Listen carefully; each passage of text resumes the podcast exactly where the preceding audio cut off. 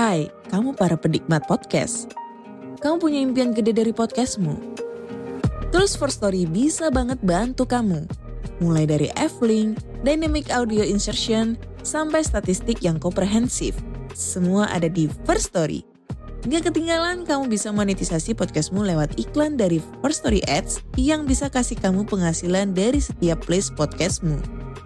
Yuk gabung sekarang dengan klik di firststory.me. Sekali lagi, klik di firststory.me. Mari kita bawa mimpi podcastingmu menjadi kenyataan. Hai semuanya, podcast ini saya hosting di Fear Story. Kalau kalian belum pernah dengar Fear Story, ini adalah platform baru yang paling lengkap dan mudah untuk membuat, mendistribusi, dan mengelola podcast kamu.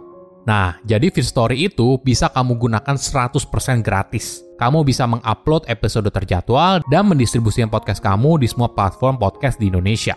Fear Story juga menyediakan customer service yang berisikan podcaster berpengalaman. Kamu bisa share podcast kamu tanpa ribet dengan F-Link yang akan mencakup semua link platform kamu dan sosial medianya. Dengan Fear Story Ads, kamu bisa mengakses monetisasi yang mudah dan beneran bisa kamu cairin tanpa biaya tambahan, gak pakai repot. Jadi tunggu apa lagi? Yuk maksimalkan podcast kamu dengan platform hosting dari Fear Story. Daftar sekarang di fearstory.me dan buat podcastmu jadi kenyataan.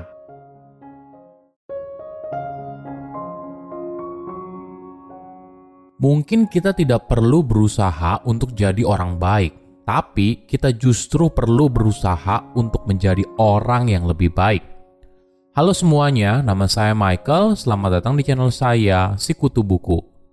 Kali ini saya akan bahas kalau keinginan kita untuk jadi orang baik justru menghalangi kita untuk jadi orang yang beneran baik. Ini merupakan rangkuman dari video TED Talk Dolly Chuk yang berjudul How to Let Go of Being a Good Person and Become a Better Person dan diolah dari berbagai sumber. Apakah kamu adalah orang yang baik? Mayoritas orang mungkin menjawab iya.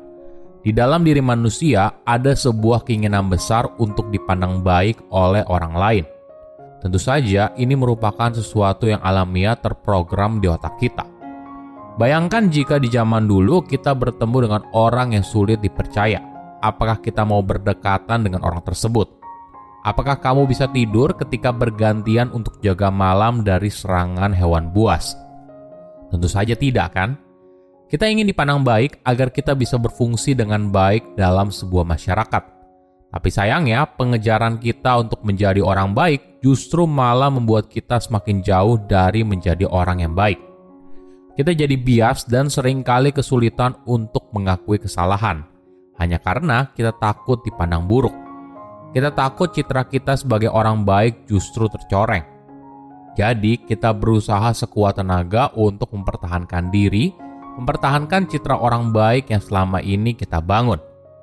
Sebelum kita mulai, buat kalian yang mau support channel ini agar terus berkarya, caranya gampang banget. Kalian cukup klik subscribe dan nyalakan loncengnya. Dukungan kalian membantu banget supaya kita bisa rutin posting dan bersama-sama belajar di channel ini. Bayangkan ketika kamu sedang naik taksi online, lalu kamu ngobrol dengan pengemudinya. Ketika kalian sedang asing ngobrol, pengemudinya lalu bilang dengan tulus kalau menurut dia kamu adalah orang yang baik. Bagi kebanyakan orang, perkataan ini bisa membuat hari seseorang bahagia ini adalah hal yang alamiah. Kita sangat peduli kalau kita adalah orang baik dan ingin dianggap baik oleh orang lain. Tentunya, arti kata baik bagi setiap orang berbeda-beda. Tapi yang paling penting adalah identitas moral tersebut. Kita mungkin berusaha untuk mendemonstrasikan kebaikan diri, ikut kegiatan sosial, membantu orang lain, menyumbang ke orang yang kurang mampu, dan sebagainya. Kita berusaha melindungi citra diri kalau kita adalah orang yang baik. Nah, sekarang bayangkan ada orang yang tidak setuju dengan hal tersebut. Misalnya mereka kesal atas lelucon yang kita sampaikan atau mungkin saja mereka merasa perkataanmu terlalu tajam. Kita mungkin langsung jadi defensif. Ini yang pada akhirnya mungkin saja menghambat kita untuk bertumbuh untuk menjadi pribadi yang lebih baik. Otak kita sering kali menggunakan jalan pintas dalam bekerja. Artinya, hampir di setiap kesempatan, proses mental diri bekerja di luar kesadaran pribadi. Seperti halnya bekerja dalam kondisi baterai yang lemah. Ini yang sering kali dikenal dengan bounded rationality. Jadi, bounded rationality adalah sebuah ide yang telah memenangkan penghargaan Nobel dan menjelaskan kalau pikiran manusia itu punya sumber daya penyimpanan yang terbatas, daya proses yang terbatas, dan hasilnya kita sering kali menggunakan jalan pintas dalam bekerja. Para ilmuwan memperkirakan pada saat tertentu 11 juta keping informasi masuk ke dalam pikiran dan hanya 40 di antaranya ini proses secara sadar. Inilah yang bisa diproses oleh otak dalam satu waktu.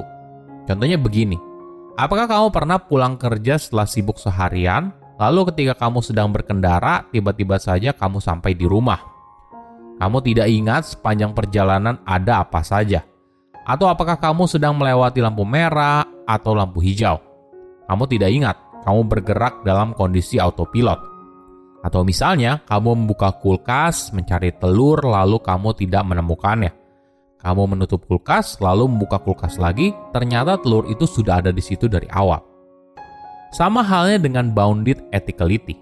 Bedanya apabila bounded rationality mempengaruhi apa yang kita beli di supermarket atau ide yang kita sampaikan dalam sebuah rapat, bounded ethicality adalah jalan pintas yang kita ambil ketika menentukan siapa calon kandidat yang kita rekrut, atau lelucon apa yang pantas kita ucapkan, atau keputusan bisnis yang gegabah. Ada contoh yang menarik bagaimana hal kecil bisa membuat sebuah jalan pintas di otak untuk menilai seorang. Kita sering kali meremehkan hadiah kecil, misalnya bolpen, goodie bag, atau sekedar makan malam. Tapi ternyata, hal kecil ini bisa mempengaruhi cara kita mengambil sebuah keputusan. Otak kita secara tidak sadar sedang menyusun dengan rapi semua bukti yang mendukung si pemberi hadiah.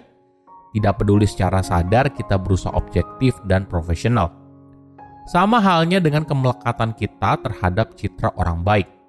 Tentu saja, betapapun kerasnya usaha kita untuk menjadi orang yang baik, kadang bisa saja kita membuat keputusan yang kurang tepat, membuat kesalahan yang kadang menyakiti orang lain. Namun, ketika kesalahan itu terpampang di depan wajah kita, mungkin saja yang kita lakukan adalah buru-buru menjelaskan posisi kita dan kenapa kita melakukan hal tersebut, daripada berusaha menerima dan belajar dari kesalahan itu. Kenapa? Mungkin karena kita punya gambaran diri dari dua hal yang ekstrim, entah kita adalah orang yang baik atau tidak, entah kamu adalah orang yang berintegritas atau tidak. Jika kamu terjebak dalam mengkotak-kotakan ini, maka kamu akan sulit bertumbuh. Ketika bicara soal menjadi orang yang baik, kita merasa kalau itu merupakan sesuatu yang harus kita ketahui, sesuatu yang harus kita lakukan tanpa perlu usaha atau bertumbuh menjadi lebih baik. Nah, bagaimana bila kamu mengambil pendekatan yang berbeda? Bagaimana bila kamu berusaha melepas keinginan untuk jadi orang baik, lalu buat standar yang tinggi tentang bagaimana seseorang yang baik? Seorang yang baik tentu saja masih melakukan kesalahan, tapi sebagai orang yang baik, dia belajar dari kesalahan tersebut, mengakuinya.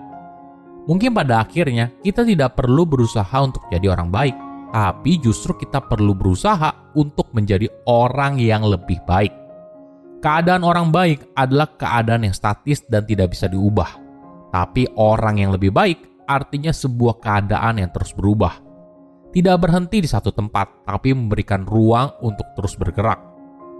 Menjadi orang yang lebih baik merupakan suatu latihan terus-menerus yang dilakukan setiap hari dan butuh kesadaran diri sebuah pemahaman yang jelas atas apa yang ingin kamu tingkatkan dan jalan apa yang ingin kamu tempuh. Apakah kamu ingin menjadi lebih baik dalam hal spiritual? Apakah menjadi lebih baik dalam hal hubungan sosial dengan orang yang kamu cintai saat ini? Atau menjadi lebih baik dalam hal bisnis? Setiap jalan yang dipilih tentunya membutuhkan serangkaian latihan rutin. Silahkan komen di kolom komentar pelajaran apa yang kalian dapat ketika tahu informasi ini Selain itu, komen juga mau tahu informasi apa lagi yang saya review di video berikutnya. Saya undur diri, jangan lupa subscribe channel YouTube Sikutu Buku. Bye bye.